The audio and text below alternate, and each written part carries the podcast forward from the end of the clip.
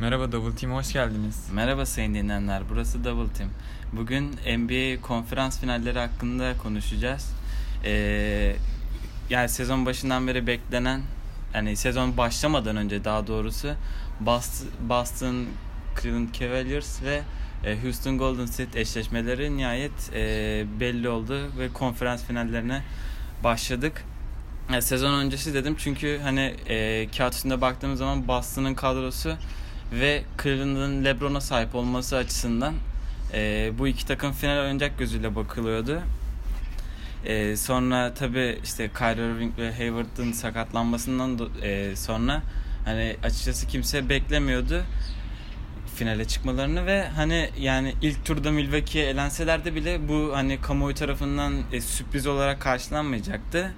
Ama işte hani bazı sebeplerden ötürü hani buna koç dersiniz, Terry yükselen formu dersiniz, Brown, Tatum'un formu dersiniz. Bir şekilde Boston finale çıktı. E, Cleveland da işte hani yani gerçekten yani LeBron olması sayesinde e, finale çıktı. İstersen bu seriyle başlayalım Tala. İşte dün birinci maç oynandı TD Garden'da. E, Boston 1-0 öne geçti. Yani Horford'un, Brown'un, Morris'in oyunuyla. Yani Cleveland'ı gerçekten top oynatmadı. Hani Cleveland demeyeyim, LeBron diyeyim. LeBron'u hiçbir şekilde topla oynatmadı ki hatta yani eksi 32 e, ratingle bitirdi maçı LeBron James. Ve bu seri hakkında ne düşünüyorsun ilk maç ve seriye genel olarak ne diyorsun? Ben dünkü maçtan sonra çok mutluyum açıkçası. LeBron'un Toronto serisindeki performansını görünce pek e, umutlu değildim ben bu seri için. Ama tabii Brad Stevens gibi bir daha iyi unutmuşum. Ve Marcus Morris'i. Marcus Morris e, seri öncesi işte LeBron'un Leonard'dan sonra en iyi savunan benim diye bir açıklama yaptı. Bayağı dalga geçildi falan ama yani Marcus Morris gerçekten çok iyi savundu ve hücum anlamında da çok iyiydi. 21 sayı attı 4'te 3 üçlükle. Ya hani aslında Toronto serisi LeBron için kolay geçti. LeBron Spor için. Ama yani e, Dwayne Casey'nin büyük hataları yüzünden LeBron için kolay geçti. E, Dwayne Casey'nin hataları e, Kevin Love'ı hayatı geri döndürdü. Kevin Love iyi bir seri geçirdi çünkü arkasında durabilecek bir adam yoktu. Dwayne Casey'nin seçimleri yüzünden. O yüzden hani gerçekten Cleveland formda gibi geliyordu. Boston serisi Boston'a göre. Ya Boston da çok formdaydı ama hani LeBron'un o seviyeye çıkması herkesi korkutuyordu. Ama işte TD Garden'a gelince o işlerin öyle olmadığı görüldü. Ya inanılmaz bir savunma yaptı Boston. Brad Stevens'ın büyük katkılarıyla. Ya herkes yani savunma anlamında herkes çok iyiydi. İşte Horford'undan Baines'ine, Baines'ine kadar Jalen Brown'una kadar herkes çok iyi bir savunma yaptı. Zaten Marcus Smart'ı biliyoruz. Ya maça Horford'un e, yani maçı ilk onda ilk iki çeyreği Horford domine etti. Hatta Atakan'la Whatsapp'tan konuştuk yani Horford nasıl bir topçu diye. Hem e, gidiyor sayı atıyor. İlk maça 6'da 6 ile 16 sayıyla başladı. 7'de 7 oldu sonra. 7'de 7 mi oldu? İkinci yarı başlarken. E, sayı atıyor, rebound alıyor, asist yapıyor, geliyor blok vuruyor, sonra topu kapıyor. Ya harbiden inanılmaz oynadı Al Horford maçın ilk bölümünü. Zaten maçın ilk bölümünde fark açıldı. Ve e, Lebron'u çok iyi savunmaya başlayınca Boston Celtics Boston e, Cleveland sayı bulamamaya başladı. Boston'ın iyi savunmasıyla beraber. Zaten Cleveland'ın savunma anlamındaki sıkıntılarını biliyoruz. Ve e, Jalen Brown'un özellikle Jalen Brown ve Al Horford'un e, yüzdeli oynamasıyla da fark bir anda açıldı. Zaten fark açıldıktan sonra ben açıkçası e, çok rahatladım. Brad Stevens'ın oradan maçı vermeyeceğini biliyordum. Üçüncü çeyreği sonunda 14 sayı indi fark ama sonra tekrar e, Boston farkı 29 sayıya kadar açtı. Zaten sonra işte Cedi Osman falan girdi. Cedi Osman bu arada Cleveland'da verimlilik puanında artıya çıkmış tek isim bu maçta. Yani Cleveland'ın halini e, siz düşünün. Kevin Love'la e, ya Kevin Love'la ters eşleşmeden sayı bulmaya başladılar. Yani en azından Kevin Love faal alarak sayı atmaya başladı ama burada tek çözümleri oldu. Başka hiçbir şey üretemediler. LeBron çok iyi savunduğu için Boston. Ama sonra zaten yine tıkandı ve Boston çok e, dominant performansla 1-0 önde başladı. Ya bu genç oyuncuların böyle farklı kazanması LeBron'a karşı yani birçoğunun idolü olduğu idolü olan kişiye karşı böyle dominant performansla Boston'ın maçı kazanması bence gençlerin özgüvenini çok arttırdı ve ben ikinci maçı da böyle o özgüvenle alacağımızı düşünüyorum. Yani çünkü e, LeBron'un yanındakiler o kadar kötü performans sergiliyor ki. Atakan, J.R. Smith dün ne yaptı? Kyle Korver dün ne yaptı? Ondan sonra kim var? Jeff Green dün ne yaptı? Bir George Tristan, Hill. George Hill ne yaptı? LeBron ne yaptı? LeBron'la yani LeBron'la açıkçası çok yapabileceği bir şey yoktu çünkü yani 15'te sıfırla mı başladı üçlükten? 14'e 0 Aynen, oldu 14'e sonra sıfırla. 15'e 1 Le- Love bir tane üçlük soktu. Ya hani Brad Stevens e, o kadar yani deha bir dehası var ki yani hani Cleveland tarafında nerede küçücük bir hani bir eksikliği varsa onun üzerine gitmeyi o kadar iyi biliyor ki hani cidden e, e, hücumları full e, bu savunmadaki defolarının üzerine giderek buldu yani, e, Boston Celtics. Bir ara e, Cleveland'ın ofansif ratingi 70'lerdeydi. Ya tabi Boston'ın iyi savunmasının bunda çok önemi var ama ya Cleveland'da açıkçası çok iyi gününde değildi. Ya 30 sayı değil de hani 10 sayı 15 sayı civarında olsa hani sadece Brad Stevens ve savunmasına bağlayabiliriz ama yani 30 sayı biraz da hani açıkçası Cleveland'ın kötü gününde olmasıyla alakalı da olabilir. Ama yani şöyle bir şey var. Bu ya Cleveland eledi diyelim. Finalde Golden State ve Houston'la karşılaşacaklar. Ya ben hiç yani çok az şanslarının olduğunu düşünüyorum. %10 ihtimal veriyorum. Golden State çıkarsa hiç ihtimal bile vermiyorum. Houston çıkarsa belki %15, %20 ihtimal olabilir ama LeBron'un yanındakilerle bu çok zor bence. En azından Boston çıkarsa bir yani iyi savunmasıyla, koçuyla biraz daha dengeleyebilir diye düşünüyorum. Biraz da duygusal olarak baktığım için, tinerci olduğum için Boston tinercisi. Ama yani LeBron'un haline üzülüyorum açıkçası yani. Yani burada bir şey soracağım. Ee, hani bu kadar savunmada e, kötü hani performans gösterirken hani kenarda Cedi'nin e, normal sürede hani o garbage time'dan bahsetmiyorum. Hiç süre alması almaması sence mantıklı mı? Yani yani bence hani bu kadar savunmada e, kötülerken hani e, kenarda hani ne kadar çaylak olursa olsun hani sonuçta savunmasıyla öne çıkan bir oyuncu hani e, varken neden onu kullanmıyor açıkçası ben bunu pek mantıklı bulmuyorum. Sen ne diyorsun bu konuda?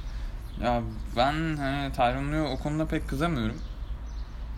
Ya e, ciddi yani playoff'ların başından beri ciddi zaten kullanmıyor ve hani işte koçlar playoff öncesi işte şu kadroyla oynayacağım diye hani açıklıyorlar zaten kadroyu. O kadrodan ya böyle bir değişik yap bir çayla alması o oyunculardan hani o oyuncuları daha da düşürü, düşürebilir ve hani ciddiye alırsanız oyuna ya hücumda hiçbir katkı veremiyor açıkçası yani maalesef. Hücumda çok etkisiz oluyor ve Boston savunmasına karşı çok daha etkisiz olacaktı. Yani bilmiyorum maçın bazı bölümlerinde atılabilirdi ama yani Cedi'nin de açıkçası çok etkili olacağını düşünmüyorum savunma anlamında Boston'a karşı şu an. Ya tabii ama yani birkaç dakika o garbage time haricinde oynayabilirdi yani. Farkın çok açıldığı dönemler farklı bir şey yapıp Cedi'yi oraya atabilirdi ama yani çok bir şey değiştirir miydi pek bilemiyorum açıkçası. Atakan ben sana şu soruyu sormak istiyorum.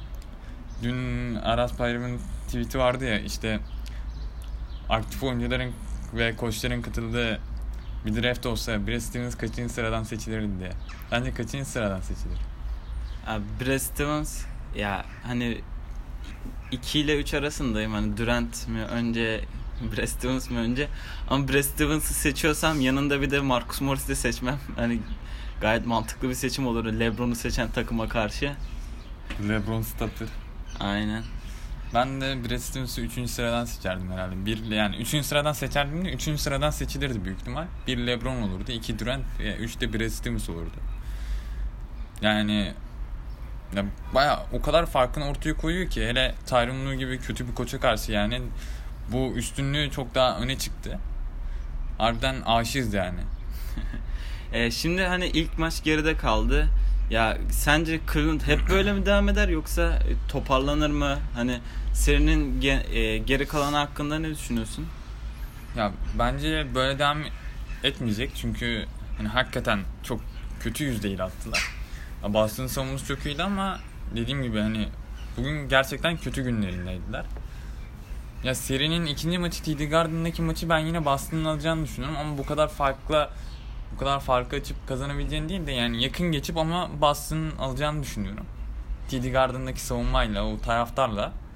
Ama eee Cleveland Cleveland'ın evine geldiğinde seri ya orada biraz işler değişebilir yani. Ee, orada biraz daha özgüvenli oynuyorlar. Hatta geçen sene final serisinde bir maç almışlardı. O maçta da aşırı yüzdeyli yani çok iyi şut atmışlardı. Yine böyle bir sekans yakalayabilirler. Çünkü hakikaten kendi evinde ee, iyi yüzdeyle atıyorlar. Yani ne kadar Boston iyi savunsa da ya yine maçların yakın geçeceğini düşünüyorum ama Boston belki orada bir maç alabilir. Sonra TD Garden'da bitirebilir seriyi. Ama Cleveland'ın Cleveland'ın evinde şu ilk maça rağmen Cleveland'ın ben favori olduğunu düşünüyorum yani. ya çünkü hakikaten çok daha özgüvenli oynuyorlar. Kendi evinde olmasının avantajını iyi kullanıyorlar bence ve yani ilk maç kadar kötü yüzdeyle atacaklarını düşünmüyorum. LeBron'la biraz e, LeBron hani bir şey e, fark 25-30 iken kenara geldikten sonra bir fotoğrafı vardı Twitter'a düşen. İşte o hani bana bu kadar fark atmamayı, atmamalıydınız bakışı vardı. Bir dahaki maç İşte 45 Indiana- sayı, aynen, 25 Indi- rebound, 15 asistle oynayacağımın bakışıydı o bence. Indiana maçındaki bakış da aynıydı. Yani belki LeBron düşebilir filan. Ya ben biraz daha yakın geçeceğini düşünüyorum açıkçası. Ya şimdi koçlar hakkında e, bu kadar konuştuk. Şimdi hani güncel bir haberden de e, bahsetmezsek olmaz podcast'imizde. Yine, e, hani Dwayne Casey e, Cleveland'da 4-0 yenildikten sonra kovuldu. Hani burada akıllara soru getiriyor. Hani e, konferansı konferansını birinci bitiren bir takım ki e, yani NBA genelinde Golden State'in önünde ikinci sırada bitirdiler. Ya hani gerçekten de iyi oynuyorlardı. E, sence Dwayne Casey kötü bir koç mu? Hani kovulması sence doğru muydu? Ya bence doğru. Yani Çünkü Toronto hep normal sezonu iyi geçiriyordu ve normal sezondan playoff'lara girince o sene bu sene mantığıyla her sene o sene bu sene deyip böyle hani playoff'a bir heyecanla giriyorlardı ama LeBron LeBron LeBronto yaptı Toronto'yu. Her sene LeBron süpürdü Toronto'yu. Her sene süpürmedi de yani süpürmeye yakın oynadı ve çok baskın bir performansla. Ya zaten LeBron'un olduğu konferanstan hani konferanstan çıkmak çok zor. Adam 7 senedir zaten finale çıkıyor. Ama şöyle bir şey var yani Toronto yıllardır normal sezonu iyi geçirip playofflarda sıçan bir takım. Her zaman bu böyle oldu. Yani oyun stilleriyle de alakalı. Savunmalar daha böyle isolation'ı işte DeMar DeRozan'ın isolation'ı savunabilecek hale geliyorlar. Daha iyi analiz ediyorlar Toronto'yu.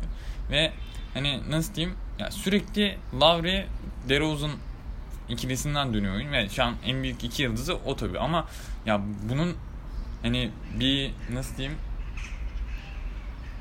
bunun iyi iş yaptığı playofflarda hiçbir zaman görülmedi. Her zaman e, DeRozan ve Lowry düştü. Lowry bu sene yine biraz daha iyi oynadı DeRozan'a göre ama DeRozan yine çok düştü. Yani bence bir şeyleri değiştirmeleri gerekiyordu. E, Dwayne Casey zaten e, Cleveland serisinde ya o kadar büyük hatalar yaptı ki yani e, Valanciunas'la ikili oyundan Lavru Valanciunas ikilisinden ikili oyunlarıyla çok e, rahatça sayı bulabiliyorken bir anda CJ Miles'ı attı ve kısa beşe dönmeye başladı.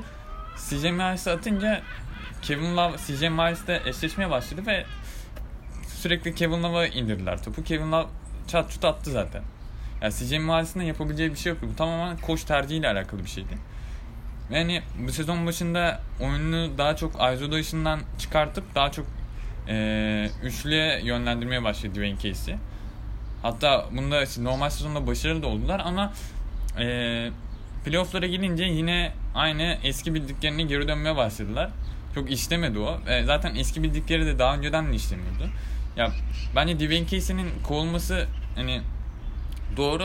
E, seneye de Dwayne Casey'nin bir şey yapabileceğini düşünmüyorum. Önceden de bir şey yapamadı. Yani bir şeyleri değiştirmek gerekiyordu açıkçası ve bu en son Cleveland serisindeki bariz hataları nedeniyle e, kovulması doğru. Hatta e, yılın koçu olup kovulan O da ikinci çok garip ya. e, koç olacakmış. Ya ben e, Dwayne Casey'den sonra hatta DeRozan'ı da bir şekilde göndermelerini daha onlar için daha iyi olacağını düşünüyorum. Ya DeRozan benim hani sevdiğim tarzı bir oyuncu değil. Ya değerli bir oyuncu ama hani hem playoff'larda sinmesi hem e, sadece bazı özelliklerinin çok iyi olması. işte isolation gibi. E, yani bir değişiklik yapmaları gerekiyordu ve Dwayne Casey'i kovdular. Bence iyi oldu onun için. Hatta bence DeRozan'ı da iyi paketle takaslamaları onlar için daha iyi olur. Çünkü bir değişiklik yapmalarına ihtiyaçları var. Ya üçüncü maçta hani şöyle bir tablo oldu. O hani LeBron'un o game winner attığı pozisyonda hani OG Anunoby e, bir açıklama yaptı. Şey e, Lowry ile tek e, birebir kalmıştı LeBron işte uzaktan hani biraz da şansa gibiydi ama LeBron olunca çok şans gibi durmuyor ama işte Anunoby dedi ki e, biz ikili mi savunacaktık onu bilmiyordum ben hani duymadım falan dedi molada. Dwayne Casey de bunun hakkında e, maç sonu bir açıklama yaptı. Aa ben e, doğru düzgün anlatamamışım galiba dedi. Hani bir iletişim problemleri var e, takım ve koç arasında. Yani şu şu pozisyonda yani bu bunun gerçekleşmesi yani bir oyuncunun bilmemesi, koçun düzgün anlatamaması çok saçma gerçekten. Hani zaten maçı bu son bir dakika için oynuyorsun zaten hani yenmek için ki e, orada savunman lazım. E, yenilirsen 3-0 olacak ki son maçta e, Cleveland'ın kendi evinde. Yani gerçekten e, acınası bir haldelerdi. Ben de doğru buluyorum Dwayne Casey'in kovulmasını. Yani cidden hani dediğin gibi o yıllardır aynı senaryo hani iyi normal sezonu iyi bitirip de e, playofflarda kötü performans göstermeye. Hani biraz da açıkçası mental olarak hani oyunculara yerleşti. Hani DeRozan, Lowry hani yine mi bu, o sene bu sene hani diye yola çıkıp hani yine mi şey olacağız kafasında oluyordu playoffların sonuna doğru. Ya hani dediğin gibi bir hani kan değişikliği de lazım takıma. Hani DeRozan olur artık başkası olur. Ya Toronto'nun biraz yeni bir yapılanmaya girmesi lazım bence. Ya açıkçası benim psikolojim bozuldu ya. DeRozan ve Lavrin'in yerinde olsam. Sürekli playoff'larda LeBron'un LeBron'un yani eee, nasıl diyeyim LeBron'a elenmek adama harbiden psikolojisini bozar yani. Sürekli sürekli sürekli LeBron'un çok büyük performansıyla LeBron'a eleniyorsun yani. Ee, işte seriye dönecek olursak seri hakkında tahminin nedir? Şimdi 1-0 iken eee, ne diyeyim 4-2 Boston alır diyorum. Biraz sinerjilik yaparak. Yani ben Game 7'ye gider, gider diyorum ama ne, ne o e, Game kim? 7, Game 7. Game 7 kardeşim buradan İngiliz Kürdü. İngiliz de Amerikan. ya ben Game 7'a gideceğini düşünüyorum. E, ama orada hani ne olur hiç bilemiyorum açıkçası. Hani Marcus Morris yine böyle savunabilir mi LeBron'u? LeBron coşar. Belki yani öyle alabilir. T- ama TD Garden'ın faktörü de var tabi.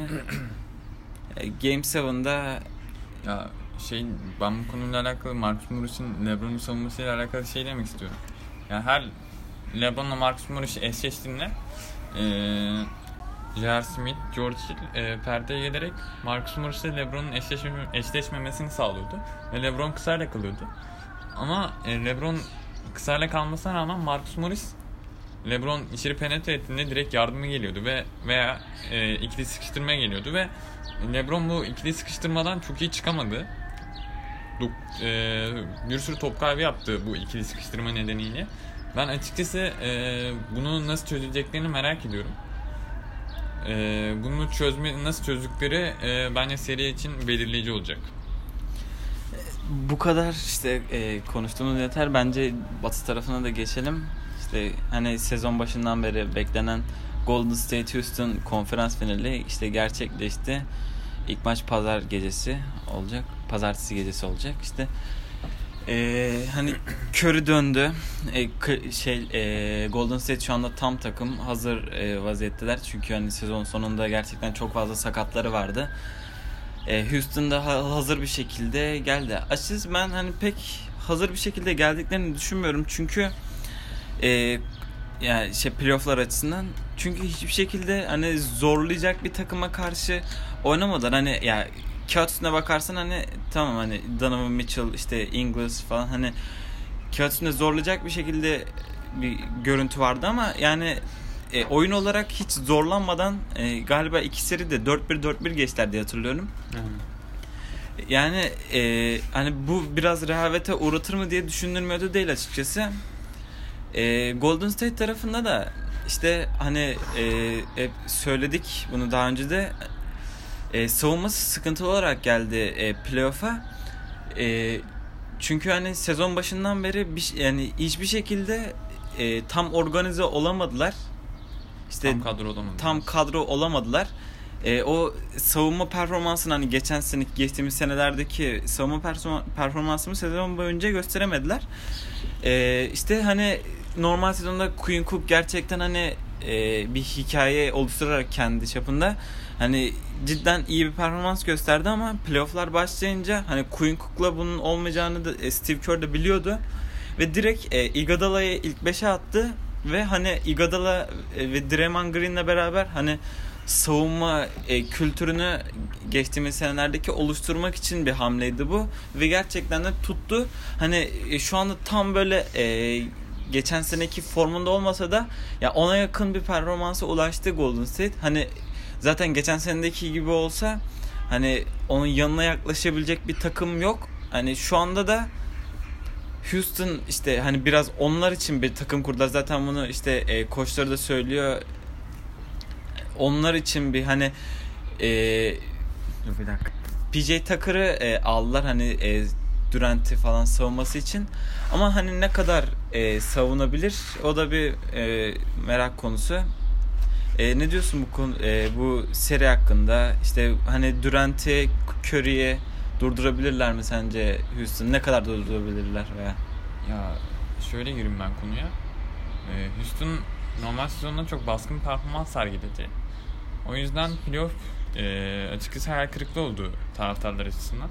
Çünkü çok baskın bir performans sergileyemediler. Yani Minnesota gibi çok dağınık bir takıma bir maç vermeleri bile çok yani ee, saçma. Yani Houston'ın Minnesota gibi bir takıma bir maç vermemesi gerekiyor bana göre.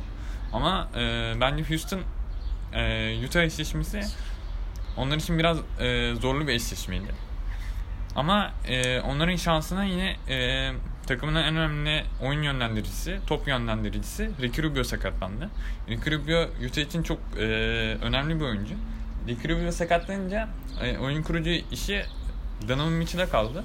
Yani Donovan Mitchell'e kalınca Donovan Mitchell çok e, fena performans sergilemedi oyun kuruculukla, e, oyun kuruculuk rolünde. Ama e, daha çok skoru özelliğini öne çıkartamadı. Eğer Rubio topu yönlendirseydi Donovan Mitchell'ın ben çok daha etkili olacağını düşünüyorum. Ya o yüzden e, bu seride şanslılardı ve 4-1 geçtiler. E, ama yani tüm seriler yalandı. Asıl gerçek seri bu seri. Yani Batı'nın şampiyonu NBA'in şampiyonu olacak yüksek ihtimalle. Ee, senin dediğin gibi sezon başı savunmasına çok önemli eklemeler yaptı Houston Rockets. Luke Mbamuta'yı aldılar. Mbamuta çok iyi bir savunmacı. PJ Tucker çok fizikli ve çok iyi bir savunmacı ve e, yani savunmada bir koç gibi takımı yönlendirebilen bir oyuncu. E, o yüzden PJ Tucker çok önemli bir oyuncu Houston için. E, ama yani ne kadar savunabilirler e, Durant'i, Curry'i, Clay Thompson'ı onlar açıkçası biraz soru işareti. E, ya ben benim kafama takılan şu e, ya Harden çok inanılmaz kötü bir savunmacı. Ya hiç sallamıyordu önceki senelerde. Şimdi biraz daha sallıyor. Ama şimdi PJ Tucker'ı e, Kevin Durant'le eşleştirecekler büyük ihtimal. E, Clay Thompson ve Curry ile Chris Paul ve e, James Harden eşleşecek. Yani Chris Paul zaten yani ya Chris Paul aslında birebir de çok önemli bir savunmacı. Çok iyi bir savunmacı.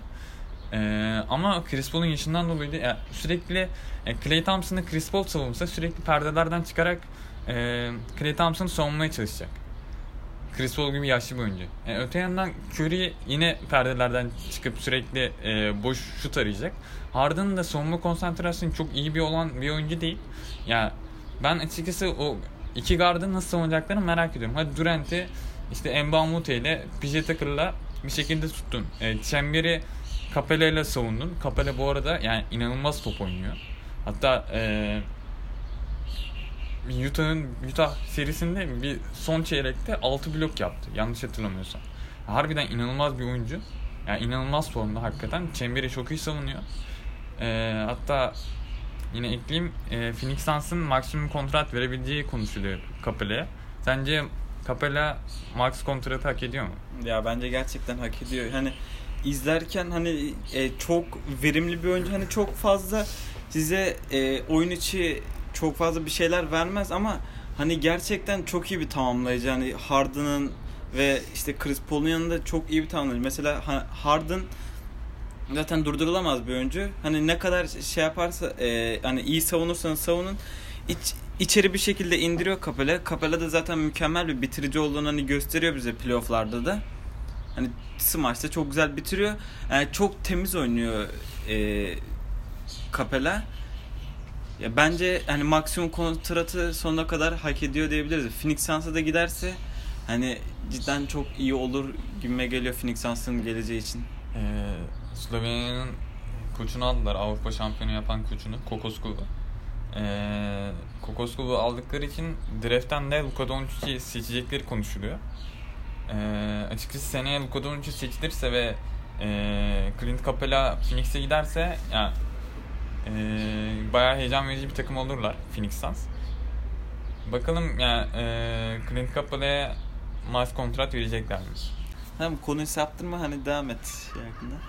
Ee, yani dediğim bu Houston'ın guard ikilisinin e, Golden State'in guard ikilisinin nasıl olunca bence seri için belirleyici olacak. E, ya, bu sene hakikaten Houston iyi bir savunma takımı oldu ama ya, ya Golden State hücumu diye bir gerçek var hakikaten. Yani, inanılmaz seyir zevki veriyor Golden State hücumu. Ve yani ne kadar iyi savunmacılara sahip olursanız olun ya bir şekilde o savunma verim, ay, hücum verimliliğini çok yükseklere çıkarabiliyorlar. Abi bir de hani Curry, Durant, e, Clay yetmezmiş gibi playofflarda hani Draymond Green de sokmaya başladı. Bench'ten Iguodala da sokmaya başladı. Da hani Javel McGee bile sokmaya Javel McGee bile yani gerçekten ilk bir maçta Kerim Abdul-Jabbar gibi performans gösterdi. Aynen. Twitter'da öyle bir muhabbet döndü. Ya e, hakikaten seyir zevki çok e, yüksek bir takım Golden State. E, Golden State'i ya o ikili guard ikilisinin nasıl oynayacakları çok önemli Houston Rockets'ın. Yani Houston Rockets cephesine geçersek e, hücum anlamındaki en büyük sürükleyicisi James Harden. E, normal sezon MVP'si olarak bakılıyor. Pek e, bunu istemesek de Atakan'la ben. E, hakikaten savunulması zor bir oyuncu. Ya playoff'ları çok iyi geçirmedi açıkçası. Önceki serileri. Çok e, iyi bir yüzdeyle atmadı ama yani James Harden e, iyi bir yüzdeyle atması bile ya bir şekilde potaya girip e, potaya gidip e, faal olabiliyor ve faal e, free throw'dan sayı bulabiliyor. Ya o yüzden e, hani James Harden hakikaten savunulması çok zor bir oyuncu. Ya kötü şut atsa içeri giriyor. Ya zaten hani şutunu riske asla edemezsiniz. Bir anda step back üçlük sokuyor. Ee, öte yandan Chris Paul takımı çok iyi yönetiyor. Ya yani bu çok tecrübeli bir oyuncu. Hani e, loser olarak bakılıyor Chris Paul ama e, Utah maçındaki performansını izlersek hani hiç loser bir oyuncu gibi durmuyor. Hakikaten e, takımı çok iyi yönetiyor. Çok iyi abilik yapıyor. Ya çok iyi bir takım oldular ama ben bu seride Golden State'i bir tık daha önde görüyorum. Aslında bir tık daha önde görüyorum ama bu bir tıklık farkın her maça yansıyacağını ve Golden State'in üstünü süpüreceğini düşünüyorum. Süpürmek de biraz iddialı olmadı mı? Ya ben öyle düşünüyorum. Ya Golden State yani gözümde çok mu büyütüyorum bilmiyorum ama diğer takımlardan bir tık önde olması benim için yani onların süpüreceği anlamına geliyor ya. Ya ben en azından bir maç alacaklarını düşünüyorum ya. Hani bu kurdukları kadronun hatırına bir tane maç alırlar yani belki. Belki olabilir. Normal sezonda birinci bitirmelerin hatırına belki alınabilir. İlk iki maç zaten şeyde Houston'da. Evet bugün işte e, konferans finalleri hakkında konuştuk. E, bir konudan daha bahsetmek istiyoruz. Hani e, elenen takımlar hakkında da birkaç kelime etsek bence güzel olur. E, şimdi konferans yarı finallerinde e, Utah elendi. Golden State New Orleans'ı eledi. E, diğer tarafta Boston Philadelphia'yı hani bu biraz garip duruyor. Cleveland'da Toronto'yu işte süpürdü. Yani Philadelphia e, biraz, biraz hakkında konuşulması gereken bir takım bence. Ya hani oyunuyla gerçekten final hak eden bir takımdı. Hani ki bizim ikimizin de hani final hakkında e, hani gösterdiğimiz en büyük aday Philadelphia'ydı açıkçası. Son e, sezonun sonundaki formuyla.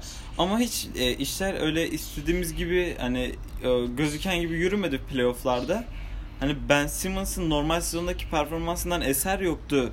Hani özellikle ikinci turda ki hani Embiid'de sakatlığından hani ne kadar e, hani ortalama döndü diyeyim hani çok kötü dersen biraz haksızlık etmiş olurum ama yani gerçekten çok fazla hücum çarçur etti ve hani o e, Philadelphia'da alıştığımız hani açık saha hücumları e, işte Ben Simmons'ın o pasları, delen pasları içeride işte içeride Embiid'in bitirmesi, dışarıda hani şutörlerin e, Belinelli, Redick gibi şutörlerle sayı bulması hani bunu çok fazla göremedik Boston karşısında ki bu bence hani Horford'un e, Ben Simmons'ı mükemmel savunmasıyla alakalı, çok fazla alakalı bence. Ve hani Embiid de çok fazla hücum çarçur etmesinden kaynaklı. İşte 4-1 bitti seri. Ya yani bu konuda da sen birkaç kelime etmek istersin bence. Ya, e, normal sezonun sonlarına doğru Philadelphia hakikaten çok e, büyük bir formla playoff'a girdi. Herkesin bir anda Doğu Konferansı için favorisi haline geldi. LeBron'a rağmen. Yani o kadar e, iyi ve nasıl diyeyim heyecan verici bir top oynuyorlardı. Ama işte tabi Brad Stevens farkı yine ortaya çıktı. Yani senin dediğin gibi hani Embiid çok topu çarçur etti. Çünkü e, Philadelphia'nın en önemli hücum silahı açık alandaki açık alan hücumunu Boston Celtics çok iyi savundu ve sete yerleştirmek zorunda kaldı Philadelphia'yı. Yani ben Simmons'ın e, etkinliğini azaltarak e, bu sefer tek e, hücum planları Embiid'e posta top indirmek oldu. Embiid çok iyi bir post oyuncusu değil. Çok fizikli, çok güçlü evet ama çok iyi bir post oyuncusu değil. Zaten Brad Stevens'ın açıklamalarına bakarsak e, Brad Stevens şunu diyor. E, biz zaten e, hani Embiid'in top kullanmasını istiyoruz. Yeter ki şutörler boş şut kullanmasın yani. Embiid top kullansın yani. İster 40 sayı atsın ama ister 40 sayı atsın, ister 30 sayı atsın ama e, işte Redick, Saric, Ersan, e, Belinelli o şutları sokmasın. Aslında bence Philadelphia'nın bu denli kötü gözükmesinin nedeni Brad Stevens'ın e, Philadelphia'yı bence çok iyi çözmesi. Ya ama Ben Simmons'tan da bahsetmemek yani elde değil. Hakikaten o serinin kaçıncı? Üçüncü maçı sanırım. Kazandıklarını sandıkları maç var ya. Evet. Üçüncü maç. Ya hakikaten ya bu kadar e, kötü seçim hataları, karar hataları yapılamaz. Philadelphia öndeyken e, Ben Simmons rebound alıyor potun dibinde ve topu e, çembere atıyor. Çembere atmayıp e, topu dolaştırsalar, süreyi eritseler belki maçı kazanacaklar. Oradan Ben Simmons topu çembere atıyor ve şutu kaçırıyor. Ondan sonra Boston geliyor ve sayıyı buluyor. Ya yani sonra oyuna sokmadaki pas hataları, pas tercihleri, işte Redick'le anlaşamamaları falan. Ya Ben Simmons aslında ya Brad Stevens'ın ne kadar e, önemli olduğunu olduğundan bahsetsek de Ben Simmons'ın 3. maçtaki karar hataları da seri için çok belirleyici oldu. Ve psikolojik anlamda sıkıntı yaşadı açıkçası bence Ben Simmons. Yani bu mental anlamda e, sağlamlaşması bence onun için en önemli basamak olacak. Ya çünkü yani şutunu ne kadar geliştirecek bilmiyoruz ve playoff'lara geldiğinde şutunu her takımın risk ettiğini görünce bence özgüveni gittikçe düşecek. Boston serisinde olduğu gibi. Ve o yüzden mental anlamda kendini geliştirirse bence bir üst basamağa çıkacak ve Philadelphia için de e, gelecek seneler adına bence en önemli faktörlerden biri Ben Simmons'ın şutu ve Ben Simmons'ın mental problemleri olacak. Aynen. E zaten Toronto'yu zaten konuştuk. E, Utah işte hani Utah'da Rubio'nun sakatlanmasından sonra pek bir şey beklenmiyordu açıkçası. Yani Donovan Mitchell'da işte Rubio'nun hani senin dediğin gibi Rubio olmayınca Donovan Mitchell'ın da formu düş yani performansı düştü. Çünkü top yönlendirici bir adam değil. Hani agresif bir skorer olarak tanımlanıyor. Yani onun da performansı düştü. Joe Ingles zaten bir, bir maç sadece e, o coştu. Bir maçı öyle kazanmışlardı sanırım. İşte onlar da ya hani sezon başında bir şey beklenmeyen takımlarına sürpriz yapan bir takım oldu. Bu Utah hakkında da bence hani konuşmalı. Gerçekten hani iyi bir playoff geçirdiler. Hani Oklahoma'yı 4-2 elediler. Yani Mitchell gerçekten çok iyi oynadı. Ya Utah aslında bazı özellikleri bakımından Boston Celtics'e benzeyen bir takım. Ee, koçlarının benzerliği, işte savunma yapıları, hücum yapıları anlamından Boston Celtics'e benziyor. Quinn Snyder çok değerli bir koç. Brad Stevens'ın yani Brad Stevens'a yaklaşabilen birkaç koçtan biri e, takımda çok iyi savunma yaptırıyor ve hani Boston Celtics'in hücumunda her zaman şey görüyorsun. Herkes ne yapacağını biliyor gibi. Sanki maçtan önce her hücum konuşulmuş ve herkes onu uyguluyormuş gibi. Herkes ne yap ne yapacağının bilincinde oynuyor ve Utah'ta da bunu görüyoruz. Ee, ve hani biraz Ben Simmons'ın özür diliyorum. E, Donovan Mitchell'ın ekstra performansıyla buralara geldiler ve Donovan Mitchell'dan böyle performans beklenmiyordu. Ama senin dediğin gibi e, e, Oklahoma serisini Rubio'nun ve Donovan Mitchell'ın etkili performanslarıyla geçtiler ve Donovan Mitchell'ın performansının artmasının en önemli sebeplerinden biri de Rubio'nun e, pasörlüğüydü. Oyunu iyi yönlendirmesiydi. E, Rubio sakatlıktan sakatlıktan sakatlık sakatlandıktan sonra e, Mitchell'a kal, kalınca top yönlendirme işi Mitchell'ın skorerliği düştü ve hani o yüzden Houston'a karşı pek varlık gösteremediler. Ama ben yani e, Utah'ın tavanını açıkçası pek öngöremiyorum. Yani Mitchell'ın hangi seviyeye çıktığına bağlı olarak tavanı değiş, değişecek ama Mitchell bu seviyelerde dolaşırsa şu takımla yani ortalama bir takım gibi gözüküyor açıkçası. Yani çok iyi savunma yapmalarına rağmen. İşte en fazla konferans yarı finaline çıkarlar gibi. Eğer Mitchell bu seviyelerde dolaşırsa yani Mitchell'ın nasıl bir star olacağı Utah için önümüzdeki seneler için çok belirleyici olacak bence. E, son e, New Orleans kaldı. New Orleans'ta hani e, en büyük iki yıldızından biri sakatlandı. Demarcus Cousins sezonu kapattı. Ve hani garip bir şekilde hani ya açıkçası pek garip değil de hani yani sonuçta iki yıldızından biri sakatlanıyor. Yani diğer diğer yıldız Anthony Davis de gerçekten hani LeBron seviyesine yani o LeBron'un koyduğu seviyeye çok yaklaşan bir performans ortaya koydu sezon genelinde.